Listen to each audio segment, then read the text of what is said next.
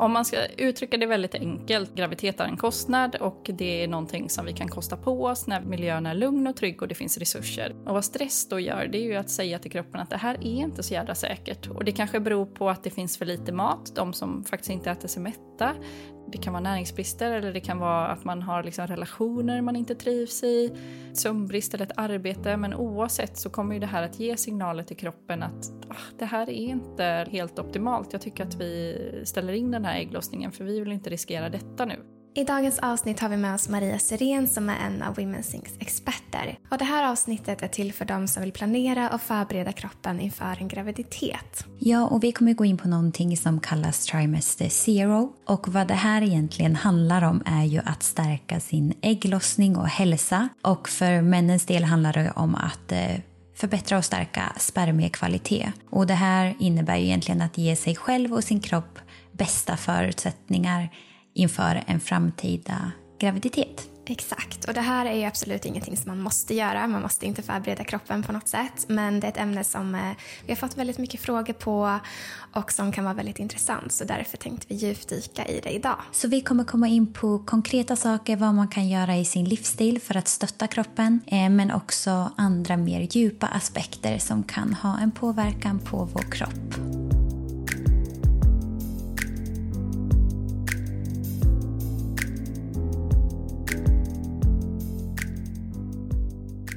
Välkommen till ett nytt avsnitt av VS podcast. Och välkommen hit Maria Seren. För är det tredje gången kanske? Ja, jag tror det. Tack så mycket. Ja, alltid lika kul att ha dig här. Detsamma. Detsamma. Jag tror vi har pratat om akne och ja, sen min, äh, mat för, mat för menscykeln. Ja, precis. Mm. Mm. Så det blir lite samma tema idag då. Och du har ju varit med oss ända sedan start och är en av våra ja, främsta experter. Så det är helt magiskt att ha dig med och idag ska vi prata om någonting som kallas Trimester Zero och jag vet att det här är ett så, så, så uppskattat eh, avsnitt från communityn.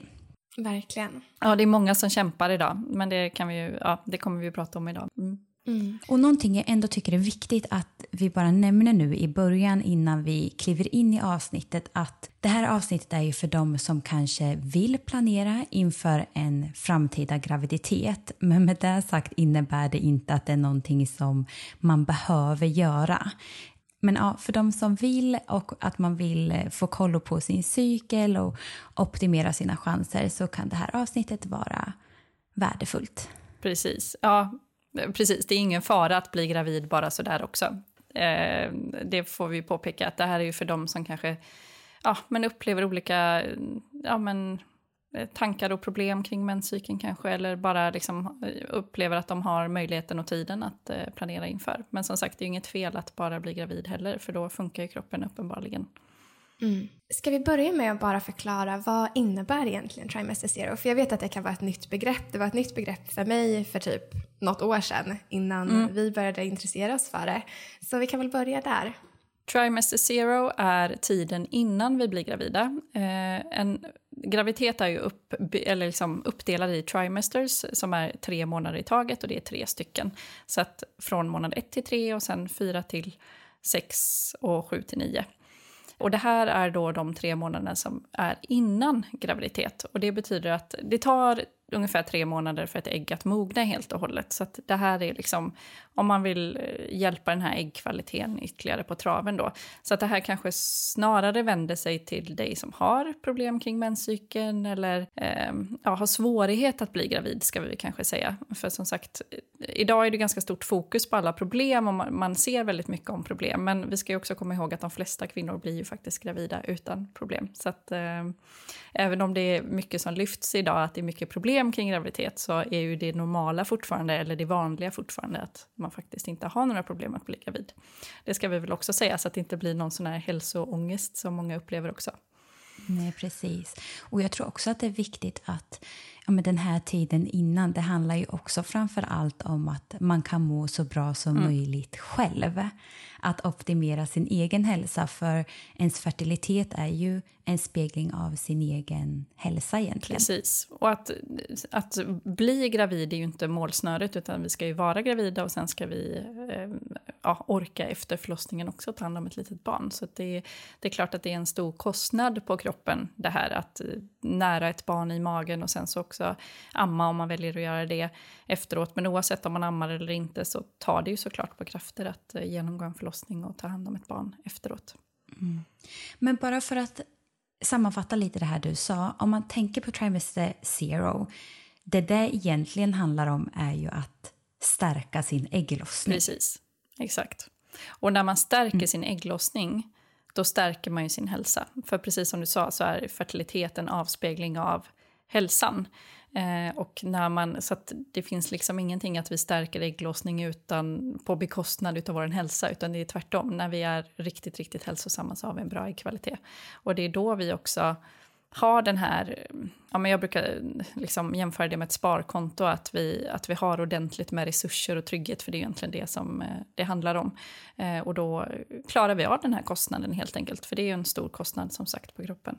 Med det sagt så behöver det inte liksom vara negativt, kvinnor har ju varit gravida i alla tider, men vi kommer ju gå igenom idag liksom vilka faktorer som kan påverka negativt, som sömnbrist och stress och näringsbrister och sådant. Mm. Och du var inne på det här med att så här, alla har ju inte utmaningar att bli gravida, men vad är egentligen ett normalt tidsspann för att försöka bli gravid? För det är ju, ja, man hör ju alla möjliga historier om att det antingen tar jättelång tid eller att det går direkt och det är svårt att skapa sig en uppfattning om vad som egentligen är normalt mm. eller vanligt. Alltså, ja, precis. Det kan ju precis gå direkt, men det vanliga är ju att det tar ett par månader. Eh, och eh, inom vården så säger man ju att man är välkommen att söka hjälp efter ett år, men någonstans sex månader så brukar de flesta ändå bli gravida inom ja, sex, åtta månader åtminstone. Men det är ju mycket mm. som påverkar här. Det behöver ju inte betyda också att det är någonting fel på en för att man inte blir gravid inom ett år. Väldigt många som till exempel går till IVF då efter ett år, det är ju inget fel där, utan det är ju andra saker som påverkar. Sen finns det ju de som det uppkommer att det faktiskt är något fysiskt liksom, hinder. Så. Eh, men ofta så är det ju de här som ja, näringsbrister och stress och kanske en prestation kring att bli gravid också eh, och planera och kontrollera. Men jag tror det är så viktigt också att normalisera att det som sagt oftast tar ett litet tag och att det är helt normalt. För att jag kan tänka mig att det är lätt att känna om man har försökt tre, fyra månader och inte blivit gravid, att direkt känna då att ja, men nu är det något fel. Mm. För att man inte riktigt har haft koll på att nej, men det är normalt att det tar sex månader eller upp till ett år eller däromkring. Precis. Mm. Det, tre, fyra tror... månader är ju ingenting, skulle jag säga. Nej, precis. Så mycket kan hända. Ja, jag tror verkligen att det är en befrielse att höra det att det faktiskt kan ta tid. För jag tror också, jag menar, man läser mycket vad kvinnor i vår community skriver och det kan jag också föreställa mig själv att när man väl har bestämt sig för att jag är redo mm. då vill man oftast att det ska gå snabbt. Så jag tror verkligen att man kan känna, man nästan kan andas ut lite att höra det här. Mm. Jag såg en fråga här, eh, det var någon som hade försökt i två månader och undrar lite hur hämtar man sig efter ett negativt graviditetstest efter, som liksom är negativt då efter eh, två månader i rad. Och då kände jag när jag läste det att här så är det också, behöver vi ändå gå till roten i vad är det egentligen vi vill. Det kändes lite som att det kanske ligger en prestation och osäkerhet här. Inte liksom att försöka landa lite i tryggheten att de allra flesta blir liksom, gravida. Och det finns så många faktorer som påverkar, som vi säger, liksom stress är en sak, men sen alltså vilken tid i cykeln ligger vi hur, hur, liksom, det, det, är så otroligt mycket, det behöver ju inte betyda att det inte var bra äggkvalitet, utan det kan ju ha varit så mycket annat som har påverkat där. Så jag kände mm. att det kanske släppa de här kraven och prestationen lite på sig själv, att det här är ingenting som vi kan kontrollera till punkt och pricka och säga att vi vill ha ett januaribarn eller februaribarn eller någonting sånt, för det kommer när det kommer liksom. Ja, och det, alltså just det här med osäkerheten är ju det som det här avsnittet också är till för, just att ja, men hjälpa oss alla kvinnor att släppa den där osäkerheten med mer kunskap kring det. För mm. att utan att, om man inte vet om de här sakerna, att man har en trimester zero och att det finns alla de här delarna i ens livsstil som kan påverka från månad till månad, då är det klart att det är lätt att känna den här osäkerheten. Mm. Så det känns superviktigt att, eh, att det är ett, ett av målen med avsnittet. Och som sagt, det belyses ju väldigt mycket i sociala medier hur många det är som har problem, vilket är jättebra för alla som har problem. Men återigen så har ju de flesta inte problem. Och jag har också hört de som har slutat med preventivmedel ganska långt innan de vill bli gravida. Inget negativt med det, men då behöver man hitta en alternativ preventivmetod. Då behöver man ju lära känna sin kropp. Liksom. Och så har de blivit gravida och så har de bara, men gud vad så hände? Jag trodde att jag skulle ha problem. Ja, fast där kanske vi inte... Det säger ganska mycket om vårt samhälle idag som jag tycker är så sorgligt. Liksom, att många tror, liksom, antar lite att de inte fungerar. Och det är väldigt mycket krav och prestation hos kvinnor idag och det är inte kvinnornas fel utan det är liksom hela kulturen och samhället som sätter väldigt mycket krav och prestation. Så försöka landa i att man faktiskt litar på sin kropp och vet vad den håller på med. Ja, och någonting jag tror är väldigt viktigt är ju att i hela vårt liv har man ju förebyggt och skyddat sig mot att bli gravid. Mm. Och det känns som att många har ju inte koll på sin cykel. Och sen när man väl bestämmer sig för att vi flowar eller vi är redo, då blir det också att man kanske inte har koll på sin cykel eller när man har ägglossning. Så att man helt enkelt ligger vid fel tillfällen. Man ligger när man inte har ägglossning för man kollar, man litar bara på en app till exempel. Mm. Då blir det egentligen att man har sex på fel tillfällen. Så då har man ju inte ens gått in med rätt förutsättningar Precis. och så tror man att ah, men det är något fel på ja, det är mig. fel på kroppen och många som följ, börjar följa sina cykler. Jag har jättemånga som eh, skickar frågor till mig och ligger efter ägglossning har skett när temperaturen redan har stigit. Och, eh, spermien kan ju överleva i kvinnan i eh, upp till fem dagar. Men ägget överlever inte så länge efter det har släppt. Så att det bästa är ju faktiskt att ligga innan ägglossning när vi har de här fertila flytningarna, de här riktigt ja men ni vet, när det känns som att man vill byta trosor flera gånger om dagen. Det är ju då man ska ligga, inte efter ägglossning då. Eh, det, då såklart kan man också ligga, eh, men det kommer inte kanske leda till en graviditet om det är det man vill. Utan ägget överlever inte jättelänge efter det har släppt. Eh, det är något dygn liksom, så att där kan man tänka på att det är upp till Eh, ägglossning. Sen ska ju spermierna dessutom hitta, de ska ju vandra hela den här långa vägen eh, också, så det får man också ta med i beaktning. Det sker ju inte på några sekunder, utan det tar ju ett tag. Men skulle du säga att de par du träffar, är det i många fall man faktiskt inte har koll på när man ska ligga. Det Att det är det som är orsaken till det, att man inte blir gravid exempelvis. Det är jättevanligt och många springer och gör ägglossningstester, bland annat såna här så kallade LH-tester. Och LH är ett hormon som skickas från hjärnan ner till äggstockarna som heter luteiniserande hormon. Och det är ett hormon som stiger vid ägglossning och det säger alltså till äggstockarna att nu är det dags att släppa ett ägg. Um, och LH är ju liksom, det är ju bara förhöjt under själva ägglossning så där kan man ju ibland vara lite sen på det men sen känner jag att det blir kanske en liten stress kring de här ägglossningstesterna. Utan det är bättre att liksom, alltså ligger man var tredje dag så kommer du att, eh, då har du matchat in, då behöver du inte ha koll på din cykel. Liksom. Då kommer det, sen förstår jag att det är många som kanske inte har möjlighet till det, man reser i jobbet och annat så. Men eh, eh, men eh, säger man ungefär var tredje dag så kommer du att eh, tajma in det fönstret oavsett. Men att inte springa efter ägglossningstester för det kan faktiskt bli för sent då. Eller, eh, ja, inte alltid men... Eh, och ägglossningstest ska jag säga också är ju ingen garanti på att det faktiskt har skett en ägglossning.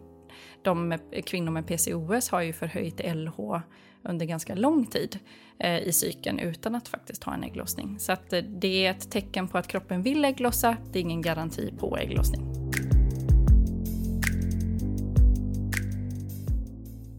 I dagens avsnitt vill vi tacka vår magiska sponsor Inika Superfoods. Ja, vi är så glada för det här samarbetet och för er som aldrig har talat om Inika så är det ett nytt svenskt holistiskt brand som precis som Women's Inc är grundat av kvinnor. Mm. Och anledningen till att vi älskar Unika är ju för att deras produkter är gjorda på naturliga ingredienser och att de är helt fria från tillsatser. Mm, det här är så viktigt för oss. Och vi satt ju precis och tog en kopp chica roast och en bar. Och då kom ju vi in på det här att vi har ju under ja, ganska många år pratat om att vi längtat efter en bar som innehåller bra saker. Verkligen. För ibland är det ju så att man bara vill ha någonting snabbt och enkelt. Och det har ju verkligen inte varit lätt att hitta ett bra alternativ som har bra innehåll. Nej, alltså det har typ inte funnits innan. Nej. Och Inika har tre smaker på sina bars. Så om du älskar kokos och choklad så kommer du älska deras Coconut Chocolate Bar som bland annat innehåller kokos, kakao, MCT-olja och cikoria. Mm, alltså den är underbar. Mm. Och deras Almond Chocolate Bar är också helt otrolig om det är så att du älskar choklad. Och när det kommer till smaker, jag går alltid till choklad. Jag skulle säga att den här är perfekt för mig när jag kan få ett sötsug i fas 3. Mm, oslagbar. och den tredje smaken är Blueberry Cashew. Och jag brukar egentligen inte vara så jättemycket för bär och frukt i bars. Den här är verkligen supergod. Och det är underbart att få i sig lite extra antioxidanter i kombination med cashewnötter. Och jag skulle säga att den här smaken är ju den typiska fas 2-baren när man inte är lika sugen på sött eller något chokladigt som man kanske är i början av fas 1 eller i fas 3. Mm, verkligen sant. Och utöver bars så har de också flera andra produkter. Så kolla in deras sortiment på deras Instagram eller hemsida och uppge koden WomenSync20 med stora bokstäver så får du 20% på ett helt köp. Tack Inika Superfoods för ett underbart samarbete. Tack.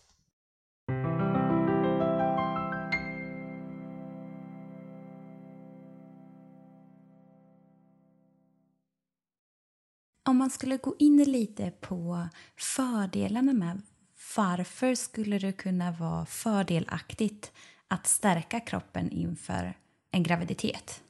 Ja, alltså det, som sagt, eh, graviditet är ju en kostnad på kroppen och eh, det är många som upplever, som jag träffar, som upplever kanske inte så mycket problem under graviditeten, även om det kan förekomma där också, att man känner sig trött och eh, ja, illamående kanske under hela 40 veckor eller 38 veckor beroende på hur länge man är gravid där. Eh, men sen efter graviditeten att man blir liksom, man tappar väldigt mycket hår, man känner inte igen sig själv, man ja, känner liksom sig väldigt nedstämd och uttömd och sådär. Eh, och då kan det ju vara en väldigt stor fördel att faktiskt ladda upp på de här resurserna, fylla skafferiet så att säga, så att man klarar den här långa vintern, om man nu ska eh, så. Det är klart att vi kommer liksom fylla på under tiden också, men att vi inte liksom ligger back när vi startar.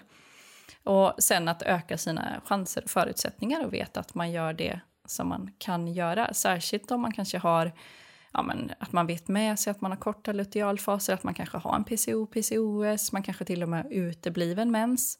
Och många som kommer till mig med utebliven mens, de känner sig väldigt hopplösa och tänker att det ska ta extremt lång tid för dem.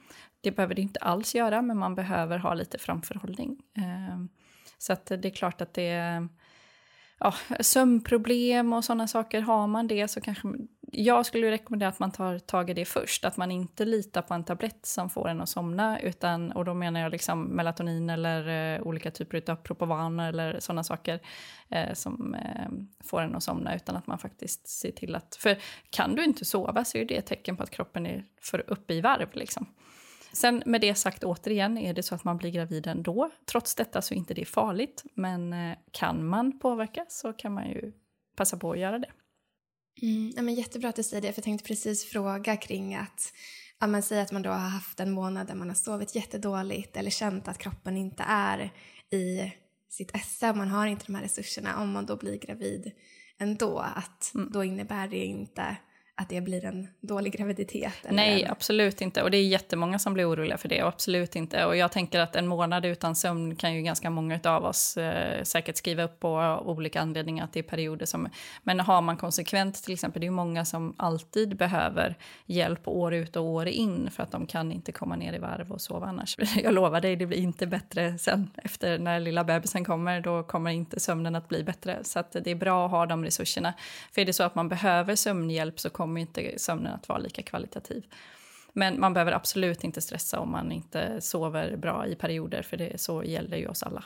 Nej, och jag tycker det är viktigt att eh, lyfta det här att det här handlar inte om att man ska sträva efter någon perfektion. För att jag vet att så många, inklusive oss själva i communityn, man vill alltid göra sitt bästa oavsett vad det handlar om. Men att den här avsnittet eller den här resan handlar ju inte om att sträva efter perfektion utan det handlar ju mer om att gå tillbaka till sig själv och vad behöver jag? Absolut, och det här var också jättebra tycker jag att gå tillbaka till sig själv för att jag tror att många kanske tänker att det är det de gör men jag tror fortfarande att de lägger det utåt, att de vill sin framtida bebis så himla väl, de vill alla andra runt om så himla väl, så man har liksom glömt sig själv. Vad mår jag faktiskt bra av i detta? Eh, och att vända det. Vi, många kvinnor är väldigt duktiga på att ta hand om andras känslor och andras, eh, ja, är det, oavsett om det är arbetsgivare eller familj eller partner eller vad det än kan vara. Men att man faktiskt liksom backar lite och tänker vad, vad behöver jag? Jag kanske inte Alltså, jag brukar säga så här, gör ingenting med dubbla tankar. Om, även om det är en väldigt god vän som vill gå ut och fika, om du har dubbla tankar, nej jag tvekar lite men jag borde gå ut för det är en så bra kompis, bara, men stanna hemma då. Det är liksom, en bra kompis kommer inte dumpa dig för att du ville stanna hemma och vila en dag på soffan. Liksom. Men vi är nog väldigt duktiga på att skriva, liksom, ja, men att göra så himla mycket för andra hela tiden. Och eh, återigen här med det här med perfektion, jag tror det handlar mycket om att man vill verkligen skapa de bästa förutsättningarna för sin bebis. Och det gör man när man mår bra. Mm.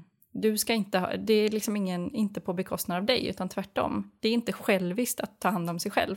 Självisk är man om det går ut över någon annan, men här, i detta fallet så gynnar det ju bara alla. Så att liksom, ta hand om dig själv och lyssna inåt. Mm. Jätteviktigt.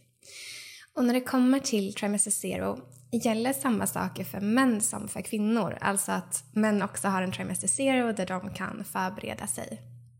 Absolut, och det är väldigt många kvinnor som vänder sig baklänges för eh, ja, detta och så tänker man inte alls på mannen eller så. Ehm, och det, det är ju såklart viktigt att män prioriterar sin sömn och sin kosthållning och så också. Och vi vet ju att liksom spermier generellt har minskat men men det finns ju faktiskt ganska mycket studier. Nu är inte jag expert på, ehm, jag kan inte säga exakt vad män bör göra. Jag jobbar ju främst med kvinnor. Men det finns ju väldigt mycket studier på att man har ökat spermiakvalitet på grund av olika, bland annat träning och eh, kost då, eh, som är de två stora, och sömn såklart, vilken dygnsrytm man har och så. Så att eh, absolut är det superviktigt. Och jag tänker ju att någonstans att det är ungefär liknande som för kvinnor. Ofta i sådana här studier så blir det ju väldigt fokuserat på kosttillskott och vad man ska komma ihåg med kosttillskott är ju att absolut kan de ju tillföra någonting bra men de är ju tillskott, det är inte grunden. Vi måste ju någonstans ha grunden. Vi kommer aldrig kunna ashwagandha oss ur stress till exempel. Det kan vara ett bra tillskott om vi samtidigt gör någonting åt vår livsstil. Men vi kan inte fortsätta leva som vi gör och tänka att ett kosttillskott kommer liksom göra jobbet så. Mm.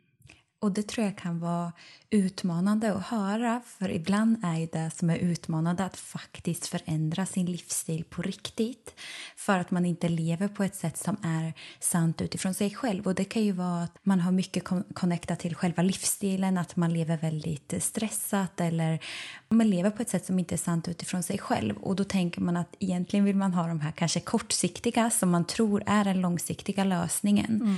Men det som faktiskt blir hållbart i längden det är ju att göra de här förändringarna och då går man ju också till grundorsakerna, till exempel om man vill använda kosttillskott istället för att öka på maten. Eller vad är anledningen till att man tränar så mycket? Är det verkligen för att kroppen ska må bra på riktigt eller är det för att man vill se ut på ett visst sätt? Mm. Him väldigt viktigt, precis. Och återigen, att jag tror att i vår kultur så är vi väldigt indoktrinerade i att göra saker för liksom, man ska vara på ett visst sätt på sitt jobb och eh, lite eh, tjänar man liksom har man en viss tjänst och tjänar en viss pengar så ska man köra en viss bil och man ska göra på ett visst sätt och man ska jobba åtta timmar om dagen och ni vet liksom allting. Nu är ni egna för, egenföretagare precis som jag, vilket också gör ibland så jobbar man såklart ännu mer. Eh, men det har också gjort att man kanske ta sig ur de här ramarna lite som ibland kan vara i, liksom, på stora arbetsplatser. Att det är nästan lite häftigt att eh, ja, man är stressad och har mycket på sitt bord och inte kan sova. Och man pratar mycket om hög smärttröskel på vissa... Liksom. Nu har corona gjort att man kanske inte poppar ett piller på morgonen fast man har feber och går till jobbet ändå. Liksom. Men jag, jag tycker det blir lite tråkigt så här, men ska det verkligen, vad är det vi vill ha? Vi, vi vill alla ha ett kvalitativt liv, inte liksom vem har gjort så mycket som möjligt bara på det, det, blir lite tråkig kultur tycker jag. Eh, och jag tror att det är väldigt lätt att tappa liksom, vad vill jag egentligen? Vem är jag egentligen? Mm. Och det är också så utmanande utifrån det vi pratade om för, förra veckan, Sara, att vi lever ju oftast en livsstil som är mer anpassad utifrån den manliga biologin.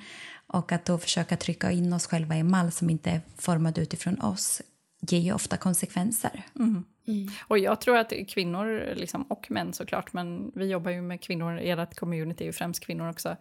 Alltså vi kommer kunna göra så ofantligt mycket om vi bara lyssnar på oss e själva och vårt eget flow. Vi, det kommer inte vara lika jobbigt att jobba, det kommer inte vara lika jobbigt att göra saker utan att liksom, vi kan rida lite mer liksom, medströms. Mm, verkligen, och det är ju det där att man ofta jämför sig kanske med um, alltså män i sin närhet och då det blir inte alltid så lätt när Nej. man jämför stressnivåer eller träningspass eller vad det nu är med män, för vi är så olika. Ja, och de flesta som jag träffar som kämpar med, liksom, dels så vi kan, kommer säkert in på provtagning här sen, men dels så finns det ju saker i provtagning, men sen de allra flesta har ju ingen återhämtnings, de har inget andhål, utan de kanske jobbar extremt mycket och sen så tycker de att, att gå till gymmet är en återhämtning, liksom det är en frizon och det är gött att gå till gymmet och liksom fokusera på något annat. Men då har man ju gått från liksom, en prestation rent mentalt, en stressor. Vilket inte, alltså stressorer är inte fel, det är absolut inte dåligt. Vi behöver utmaningar och allt möjligt i vårt liv för att må bra och träning är ju också en stressor. Men vi behöver återhämtning i relation till den stressen vi har. Men om man jobbar 8-10 timmar på en dag, 8 timmar som de flesta jobbar och sen går till gymmet kanske 4, 5, 6 dagar i veckan och tränar. Vart någonstans där får du återhämtning? Sömnen kommer inte räcka.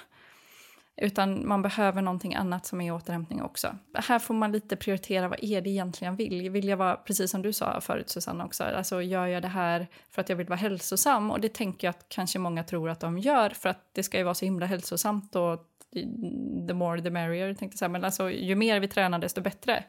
Men så är det ju inte riktigt. Nej. Till de som lyssnar och känner igen sig så kan jag verkligen säga att jag har ju alltså varit där. Och det var ju så kraftfullt bara min senaste cykel där jag stängde av en hel helg för min ägglossning kom aldrig så den kom på dag 23.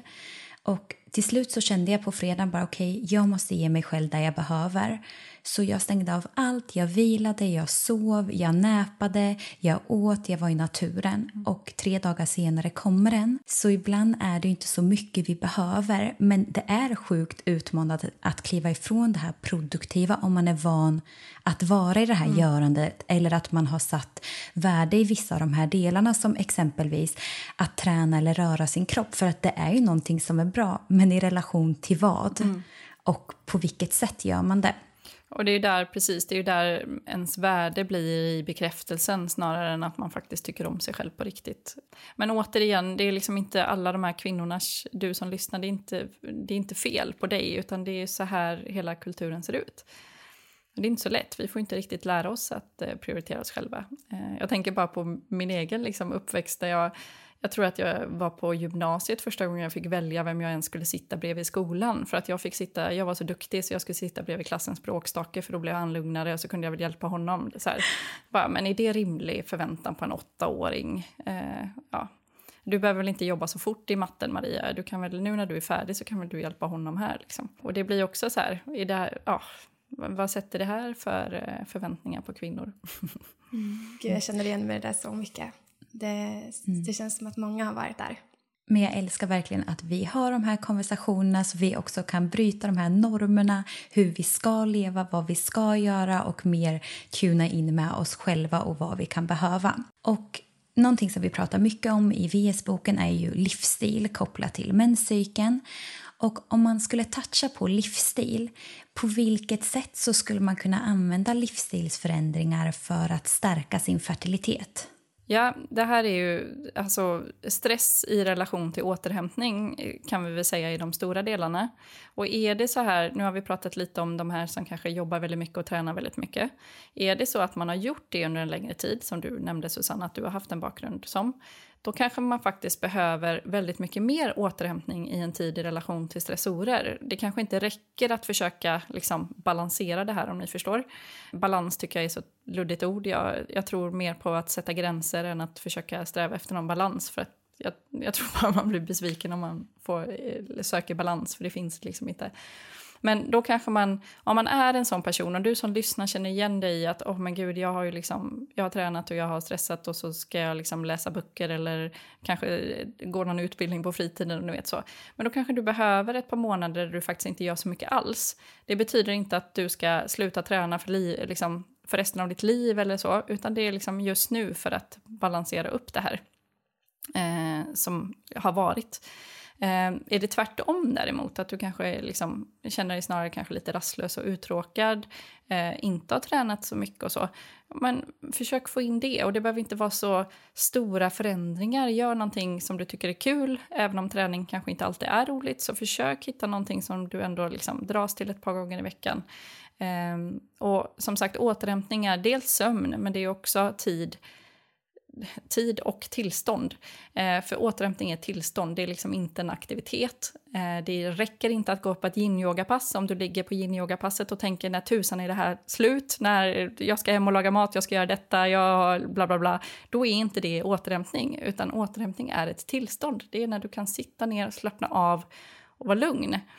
Och här får man ju skapa sig sina förutsättningar eh, liksom själv. Vad mår du bra av? Om du tycker att det är stökigt hemma och egentligen borde göra massa saker, men ut med det då. Byt miljö, gör liksom, eh, man behöver inte meditera om, man, om det inte passar en, men ut och gör någonting där du känner att ja, men nu upplever jag att jag kan vara närvarande. För det tycker jag att väldigt många av mina klienter säger när jag frågar dem om men hur skulle du vilja att vardagen ser ut? För det pratar vi väldigt mycket om för att hitta sina whys, liksom. varför ska vi göra de här förändringarna? Då är det väldigt många som säger alltså jag önskar att jag blev mer närvarande. Och eh, vart kan vi vara det någonstans? Är det på en segelbåt eller är det skogen eller är det när man spelar badminton eller liksom vad kan det vara för någonting? Leka och ha kul. Leka gör vi alldeles. Spela krocket, eh, spela Fia med knuff. Ja, jag vet inte. Spela kort. Gör någonting annat så. Mm, precis, och återhämtning kan ju faktiskt också vara socialt. Mm. För det tror jag att många tänker att återhämtning ska vara att man sitter själv tyst och mediterar eller liknande. Men man kan ju också återhämta sig i sociala saker som du säger, badminton eller spela kort eller mm. sådana aktiviteter som är mer att man är i nuet och bara är. Gå ut och dansa, sätta på en låt, dansa själv. Precis. Det finns ju så mycket. Sjunga, ja precis, om man tycker om mm. sånt. Eh, jag tycker om att sjunga, mina barn tycker tydligen inte om det för min son har sagt sen han var liten bara nej tack mamma. Men jag mår ändå bra när jag sjunger ut emellanåt. För det är också det att frigöra sig med lite energi tror jag. Eh, mm. Men det här också med att vara sociala, jag tror att det är väldigt viktigt där att hitta de här för vissa tycker ju faktiskt att det kostar på att vara social. Men då kan man också fråga sig, kan jag verkligen vara mig själv i det här sammanhanget? Det är ofta där det ligger, att om du känner att du behöver vara någon annan, och det har inte med sammanhanget att göra och de andra, utan det har med dig att du upplever att du behöver vara någon annan i det här sammanhanget, då kommer ju det såklart att kosta massa energi. Men om du kan vara med någon kompis som Oh, det känns som att du har liksom laddat batterierna för flera veckor framöver när ni har umgåtts och fikat. Då, då kan ju du vara dig själv. Men återigen, så här, det behöver inte vara fel på de andra, utan det är kanske du som har en förväntan av att du behöver vara någon annan i ett visst sammanhang. Och när vi pratar om stress, på vilket sätt påverkar egentligen stressen vår, vår fertilitet? Varför vill vi inte vara stressade? Om man ska uttrycka det väldigt enkelt så som, som vi har varit inne på så är liksom, graviditet är en kostnad och det är någonting som vi kan kosta på oss när vi, miljön är lugn och trygg och det finns resurser. Jag brukar prata väldigt mycket om resurser och trygghet. Och resurser, då pratar jag om ja, med maten vi äter och sömnen vi får och så. Och trygghet är ju att vi känner oss trygga i miljön vi lever i. Det är, liksom, det är safe att eh, jag behöver inte kuta under min graviditet och när jag fött ett barn, utan det är, det är säkert och trygg miljö. Och vad stress då gör, det är ju att säga till kroppen att det här är inte så jävla säkert. Och, och det kanske beror på att det finns för lite mat, de som faktiskt inte äter sig mätta. Det kan, eh, det kan vara näringsbrister eller det kan vara att man har liksom relationer man inte trivs i. Eh, som sagt sömnbrist eller ett arbete. Men oavsett så kommer ju det här att ge signaler till kroppen att ah, det här är inte liksom helt optimalt. Jag tycker att vi ställer in den här ägglossningen för vi vill inte riskera detta nu. Eh, och det gäller inte alla. Vissa är inte så påverkade av stress. Det finns ju kvinnor som föder barn i krig. Men, eh, men det gäller väldigt, väldigt många. Och den absolut största anledningen till att kvinnor inte blir gravida. Och det är olika stressorer. Men återigen så kan ju det vara näringsbrister eller det kan vara mental stress och press på sig själv. Behöver det alltid vara att ägglossningen ställs in? Att det är liksom tecknet på stress? Eller kan stress vara dåligt ändå? Ja, alltså den kan ju bli, den kan bli liksom sämre kvalitet och där har vi ju mm, ja, jättemånga som upplever mycket PMS. Eh, och, så att det här behöver ju inte bara ha att göra med när vi försöker bli gravida utan PMS, där är det olika stressorer som påverkar. Eh, vi ska inte ha negativ alltså PMS som försämrar din livskvalitet. Sen är vi olika i follikelfasen som är inför ägglossning och lutealfasen som är efter ägglossning. Vi har olika ja, vår puls höjs, vår temperatur höjs, vi blir lite mer så här hemmaaktiga, vi vill gärna liksom bona om oss och eh, alltså vi har andra intressen helt enkelt ska man säga lite så i luteal och follikelfas. Och det behöver inte vara negativt. Men upplever vi liksom bröstspänningar, huvudvärk, humörsvängningar, nedstämdhet liksom, då är det tecken på att ägglossningen inte är så kvalitativ. Det jag tycker är så fint är att de saker vi hela tiden återkommer till det är ju just det här återhämtning, att njuta, att ha kul, sömn. För jag tror att många kanske gick in i det här avsnittet och tänkte att okej, okay, hur kan jag optimera min näring? Hur kan jag optimera träning? Vilka tillskott ska jag ta? Hur ska jag liksom, ja, ge mig ett schema? Exakt, ja. vilket absolut kan vara en del av det. Men många gånger vad jag tror att det här handlar om är snarare att skala bort de här lagren, måsten, göra, prestation, optimera och mer kanske man få in det här med återhämtning så att kroppen blir trygg. Och Sen kan man addera de sakerna om det är så att man inte har en kvalitativ ägglossning fast man vet att om jag äter tillräckligt, jag sover bra, då kan man ändå använda olika aktiviteter eh, som hjälper en på traven. Precis, och jag förstår att det här är väldigt stressande för många att gå månad ut och månad in och inte bli gravid. Men som sagt, det behöver ju inte betyda att det är något fel på dig. Det kan göra det, så man ska, liksom, man ska ju gå och kolla sig såklart, men i de allra flesta fall så är det ju inget fel. Mm. Och det vet vi att det är många kvinnor som skriver till oss och när man har bestämt sig för att skaffa barn och att när man väl har bestämt sig att man känner att det på ett sätt tar upp hela ens fokus. Alltså att man vill det så himla himla mycket så att det nästan slår över och blir just en, här, en stress. Och det kan jag tänka mig nu när vi pratar om stress. Och man bara, nej men det är inte bra för fertilitet. Att då blir det nästan Ännu att man känner en frustration. Men jag vill ju inte det här, men jag vill det så mycket. Vad kan vi dela med oss av till de här kvinnorna? Vad, vad kan vi ge för råd? Hur kan man tänka? Ja, några konkreta tips du brukar jobba med med de kvinnorna på din klinik? Alltså återigen att koppla ner det här till också vad är det jag vill egentligen? För det här, det här är ju ingen... Eh, vi kan inte kontrollera detta till punkt och pricka. Vi kan inte veta exakt vilken cykel det är som tar sig. Och det här är världens sämsta råd till många, slappna av i det. det är liksom, jag, jag vet att de flesta inte kan göra det. Men att försöka liksom ha tillit till kroppen. och att, För det här är en väldigt långsam process. Blir man inte gravid en månad så är det liksom en månad kvar till nästa gång man överhuvudtaget ens kan veta om man är det. Så det är klart att det är, liksom, det är inte så här, om jag kan ta till test imorgon, utan det blev inte den här månaden.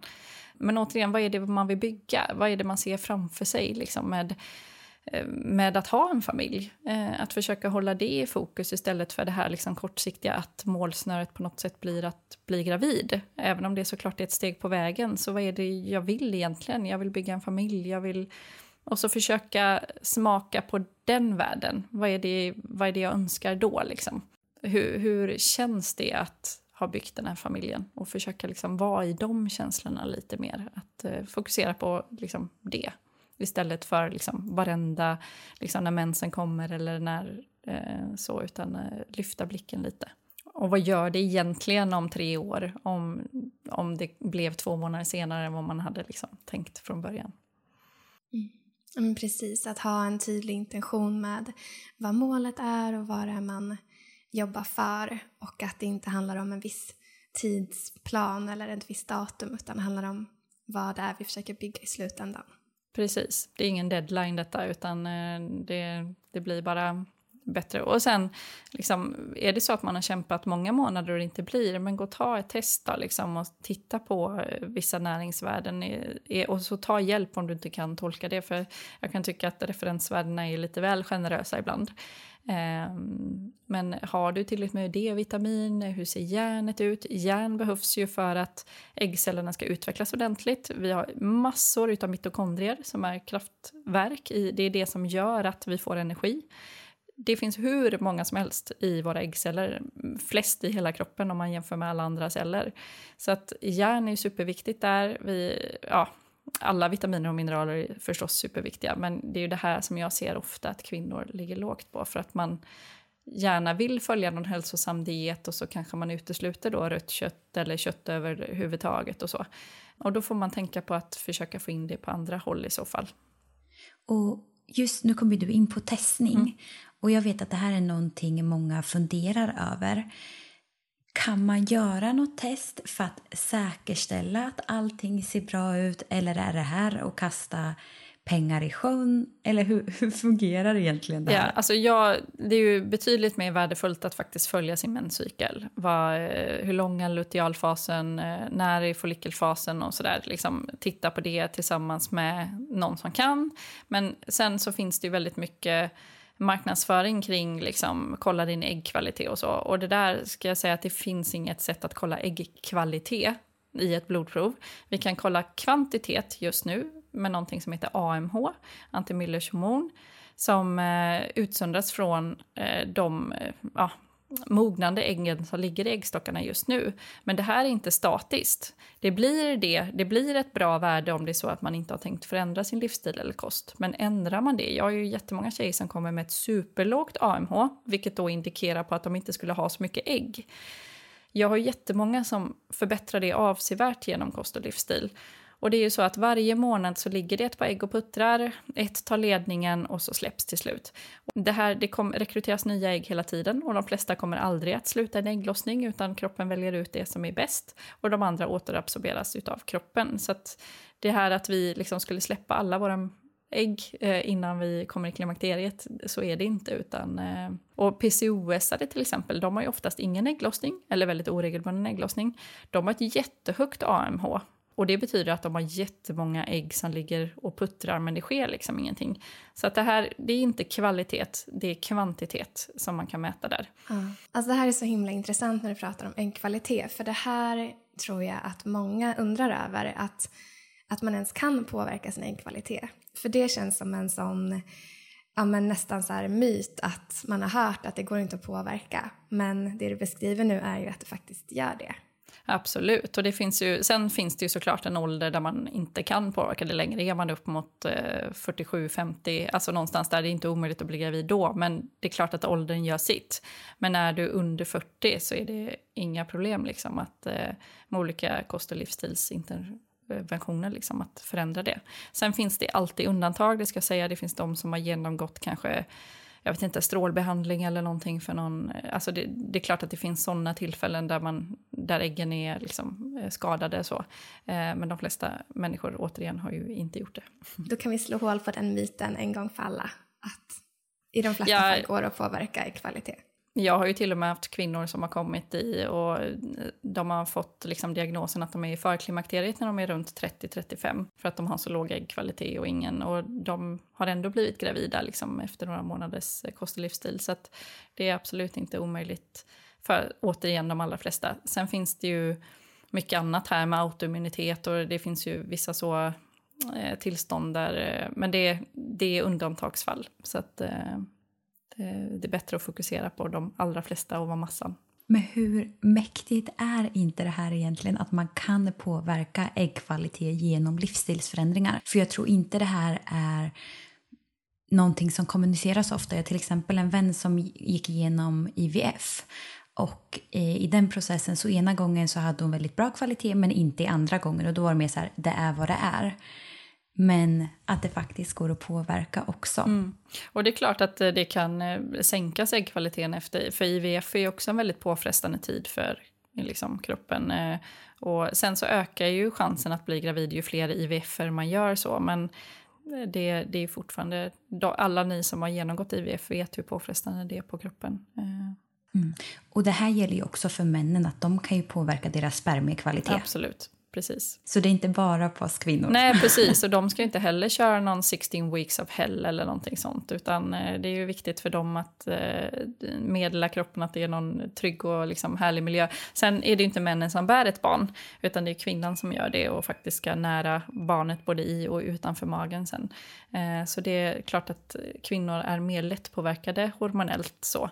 Men jag tänkte just där på äggkvalitet, för att liksom ett väldigt bra indikation på vilken äggkvalitet vi har, det är ju också på som sagt hur är vår lutealfas. Mår vi skit, alltså PMS liksom, och så, eller eh, mår vi bra? Sen finns det kvinnor som blir gravida trots liksom, mycket PMS och så, men det är fortfarande en indikation på, på vilken äggkvalitet vi har. Mm, och där är det ju också för er som undrar kring lutealfas så är det fas 3 som vi pratar om i Women's Sync och vi har blogginlägg på det hur man kan förlänga den.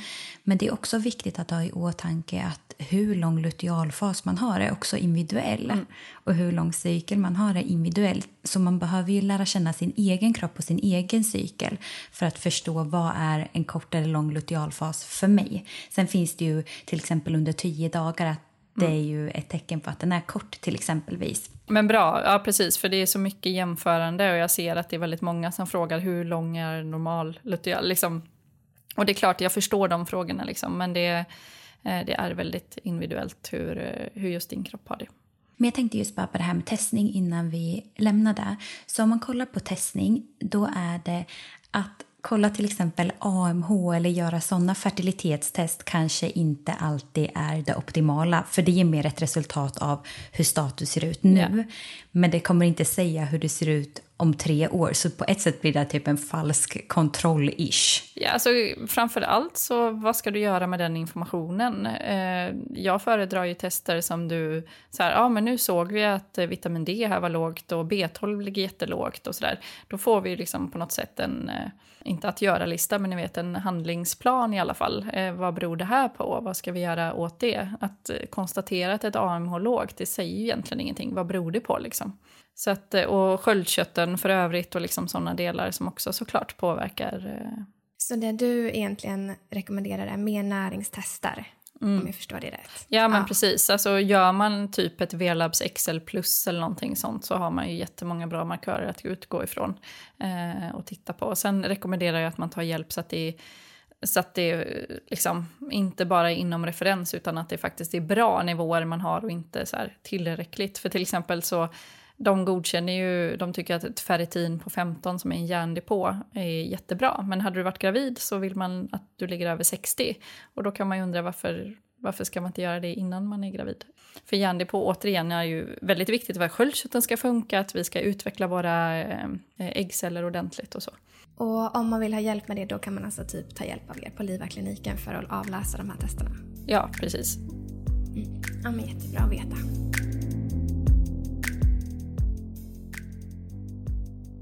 Vi har ju touchat vid det här med mat.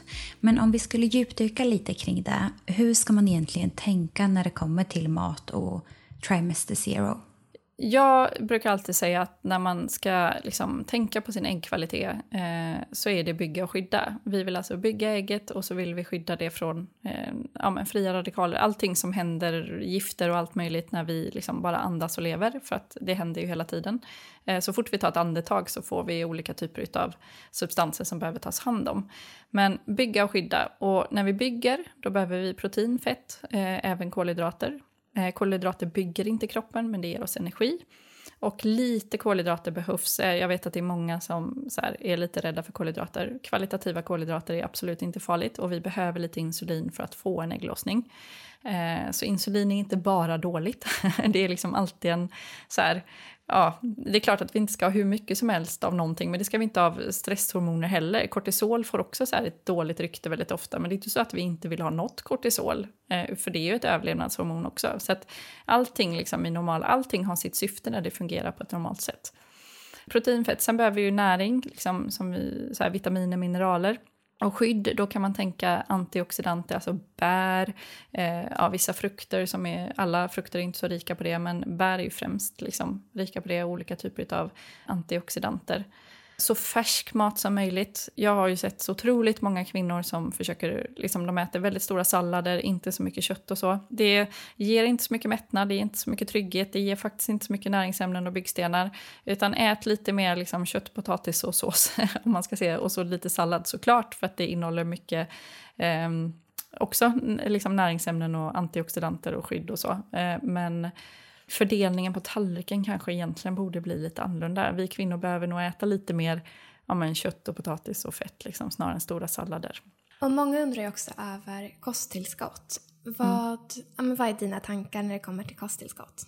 Ja, alltså återigen så kosttillskott är ju, kan ju vara liksom ett komplement till en bra kosthållning, men den kan ju aldrig ersätta en bra kosthållning. Men är det så att man har liksom levt och ätit väldigt bra, eh, man äter liksom som sagt kött, gärna lever, äggula. Lever och äggula är bland de två mest näringstäta livsmedlen som finns. Eh, man äter nötter, frön, bär, eh, som sagt potatis och ris och allting sådant. Eh, fisk såklart. Eh, och så liksom, har man gjort så några månader och så blir det ändå ingenting och man kanske liksom börjar komma upp i åldern också lite. Då finns det olika kosttillskott som är positiva för äggkvalitet, kvalitet, bland annat Q10 som är väldigt eh, välstuderat och omega-3 kan man ju alltid ta ett tillskott av till exempel som är ganska ofarligt. Sen vitamin D vintertid och så, men annars så tycker jag att man ska skräddarsy utifrån sig själv. För om du till exempel går mot mer PCOS så finns det jättebra kosttillskott där. Men om du går snarare mot kanske sköldkörtelproblem, att du har antikroppar eller någonting mot sköldkörteln. För det här är också väldigt vanligt att kvinnor kommer och inte blir gravida för att de har antikroppar mot sköldkörteln. Så de kanske medicinerar med Levaxin då, som är medicin för sköldkörteln, men de har skyhöga antikroppar och det betyder att man har en eh, immunologisk reaktion mot kroppsegen vävnad, alltså ditt immunsystem är aktivt där. Det är en inflammation och inflammation kommer också sänka äggkvaliteten. Så där kan man också titta på att skräddarsy kosten då för att sänka eh, inflammation. Mm. Och ett tips på en bok eh, för er som lyssnar är ju It starts with the egg. I den så pratar de just om trimester zero men också om man vill förbereda sig inför en IVF. Och i den tar hon ju verkligen upp det här med Q10. Så efter jag läste den boken för över ett år sedan så har jag ätit den och den är fördelaktig både för äggkvalitet men också spermiekvalitet. Precis. Och hon går igenom flera andra av de här som är väldigt välstuderade som NAC som är en eh, aminosyra som är skyddande, liksom, som blir bland annat glutation i kroppen, en antioxidant. Och eh, sen tror jag att hon tar upp ja, inositol om man kanske har PCOS. Men man ska alltid vara säker på vad man har.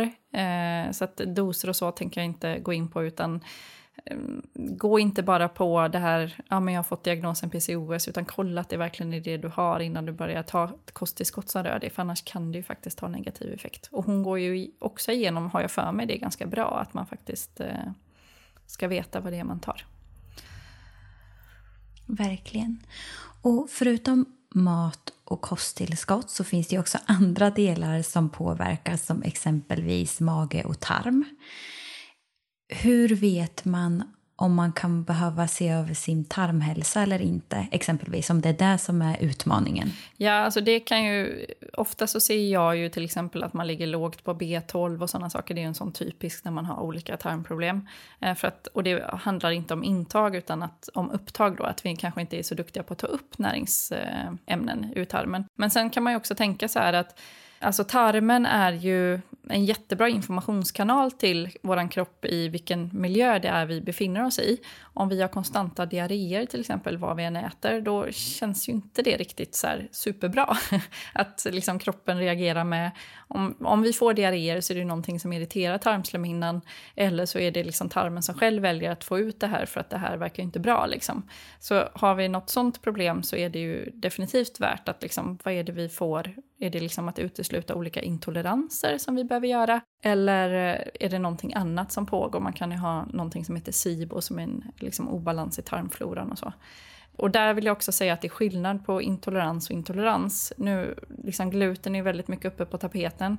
Det är en sak som man faktiskt kan vara liksom känslig mot. Då är det proteinet gluten, alltså peptid. Men man kan ju också känna att man blir uppblåst av lök. Men det är ju ingen intolerans, det är en svårighet att bryta ner lök. Så det är inte så att du är liksom allergisk mot lök, utan där är det ju snarare liksom ett tecken på att någonting händer här som gör att vi förmodligen har en överväxt av tarmbakterier i tunntarmen som gör att eh, vi inte bryter ner maten, eller det bildas gaser så att vi eh, bryter ner maten på ett annat sätt och då kommer vi förmodligen också ha lite olika näringsbrister för att vi inte tar upp det optimalt. Så att där kan man ju tänka lite på eh, det är skillnad på intolerans och intolerans, liksom, även om man ofta använder det ordet väldigt eh, liksom, frekvent om vad det än gäller egentligen. Mm. Och här är det ju skönt att man kan ta hjälp mm. om man känner sig osäker. För att jag förstår att de som lyssnar kan känna, men hur har jag koll på det här? Och det känns någonting så stort. Så där kan man ju verkligen ta hjälp i processen så man inte känner sig ensam och så får man rätt vägledning direkt. Ja, och här kan man ju alltid börja med en, eh, alltså att utesluta typiska livsmedel som, ja men som sagt gluten, det kan vara laktos eller mjölkprotein, vilket som. Jag brukar säga att eh, har man, liksom, upplever man en laktosintolerans som eh, inte är genetisk, alltså du vet att den inte är genetiskt framkallad, då är det ett tecken på att någonting i tunntarmen inte stämmer. Eh, alltså den är lite skadad, för ute i tarmluddet sitter det här laktaset, enzymet som bryter ner laktos. Så det kan man liksom, men prova att utesluta de här olika sakerna först. Det kan vara, ja men som sagt, eh, olika typer av spannmål. Ofta så är det olika typer av kolhydrater, det behöver inte bara vara gluten, men som sagt mjölkprotein och sådant. Och sen finns det ju vissa som testar FODMAP. Och FODMAP är bland annat det här med lök och eh, olika sötningsmedel och sånt som man också kan testa. Men blir blir man inte bättre. Så när man har uteslutit det här ett tag och försöker ta in liksom vissa saker igen och det inte blir bättre, då kan du ta hjälp. Men många blir ju, många blir ju faktiskt bättre av att bara utesluta under en period. så. Mm. Och en del som också är viktig när det gäller tarm och mage, det är att den också är känslig för stress. Mm. Att det har man också sett i forskning att eh, till exempel studenter som har varit väldigt stressade inför en tenta så har de testat deras mikrobiom i magen och sett att det har blivit mycket sämre under de här stressade perioderna. Så att det behöver ju inte heller alltid vara att man har en intolerans eller att det är Precis. någonting som är liksom fel utan det kan ju vara en period i livet där man kanske är väldigt stressad och det påverkar magen. Absolut. Så det kan ju också vara små saker som man kan förändra Precis, och det kan ju ge sura uppstötningar och magkatarr och allt möjligt. Och då får ju tarmfloran liksom, en chans att liksom, dels växa sig. Ofta så handlar det om en överväxt av eh, tarmfloran, även om det också kan vara eh, liksom, att vi har brist på vissa bra tarmbakterier. Eh, Men absolut, stress är en sån jättestor del. Och sömnen påverkar ju vår tarmbiota och när på dygnet vi är vakna. Och Eh, och förstoppning är ju supervanligt problem med stress också och det pratar man inte lika mycket om kanske som diarré. Men det är också att går man inte på toaletten varje dag så är man förstoppad. Mm. Och det här kan jag alltså, verkligen intyga själv för jag har haft båda de här symptomen, både med diarré och förstoppning och för mig har det varit väldigt nära kopplat till stress och sömn. Mm. Och jag kan se sån stor skillnad på perioder där jag sover bättre och är mindre stressad. Um, där de här två symptomen och även gaser. Mm. Uh, så att, uh, och det är ju helt det... naturligt, för under stress så ska vi inte prioritera matsmältning och långsiktig hälsa, liksom, utan då ska vi bara fight, flight eller freeze. Då, liksom. Eh, sen är det mycket annat som också kan komma, uppkomma när vi är stressade. Akne till exempel blir ofta värre när vi är stressade, huvudvärk. Alltså det finns ju, kroppen talar ju om det på så otroligt många sätt eh, hos de flesta. Mm. Och jag tänkte att vi skulle bara toucha på en sista grej innan vi avrundar för dagen. Vilka andra faktorer i livsstilen kan ha en inverkan på ja, men ägglossning och äggkvalitet? Jag tänker exempelvis det här med fasta som verkligen är på tapeten nu men också gifter i vardagen som vi utsätts för. Kan inte du bara komma in lite snabbt på det? Mm. Fasta ska vi ju definitivt, liksom, ska vi ha trygghet och resurser så fasta kommer inte ge något av det tänkte jag säga, men kommer definitivt inte ge trygghet. Så att undvik fasta om du försöker bli gravid. Du kommer alltid i världen för det sen, men jag skulle säga som fertil kvinna överhuvudtaget så ska man nog undvika fasta eh, det finns vissa som funkar väldigt bra på det, men då gäller det ju verkligen också att man äter upp sig på kalorier de andra timmarna eh, på dygnet när man äter. Men i de allra flesta fall man får också tänka på att fasta är en stress på kroppen. Och är det så att man har mycket annan stress, alltså träning, eh, man har arbete, man sover kanske dåligt, man har relationer som inte funkar och så vidare. Då behöver man inte lägga till mer av den varan stress och så fasta på det också. Så generellt för fertila kvinnor så skulle jag vara lite försiktig med det. Och särskilt att hoppa frukost. Utan ät frukost på morgonen. Träna inte på tom mage. Eh, utan eh, se till att det liksom finns eh, näring och liksom stabilitet i kroppen hela tiden. Blodsocker har vi inte varit inne på, men det påverkar faktiskt också eh, äggkvalitet och både högt och lågt blodsocker. Och många som äter för lite hamnar ju oftast väldigt lågt på blodsocker, vilket kan ge dimsyn och liksom, eh, skakighet och hangry och liksom, precis som högt blodsocker kan göra. Men att man tappar mycket energi och så.